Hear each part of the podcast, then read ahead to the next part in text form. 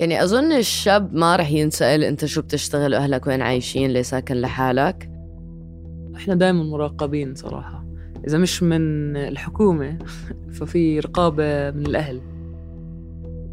وبالعادة أغلب الأماكن اللي إحنا عنا موجودة في عمان لها حدود يعني بيتك له حدود غرفتك لها حدود كل مكان فيه حدود.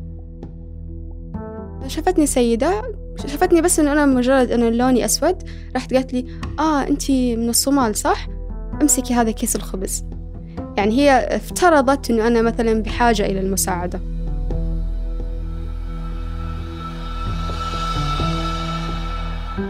أنا بحس إنه هاي المساحة آه، تبعتي.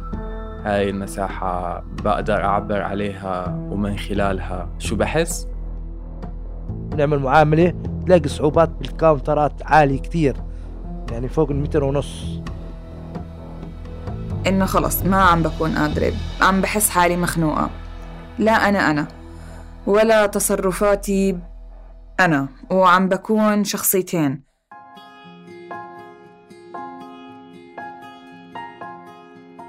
نحن ذوات بحركة مستمرة. نشغل مساحات وفضاءات فعلية ورقمية. منعيش ومنجرب. منحكي ومنمشي. مندور على مينا هدوء وبرضه منبحث عن الصخب. منظهر ومنختفي منلف ومنوقف دوران. منطلع لراس الجبل ومننزل للوادي. ندخل بواب ومنسكر ورانا بواب. في الموسم الثامن من بودكاست عيب من إنتاج صوت رح أكون معكم أنا راما سبانخ.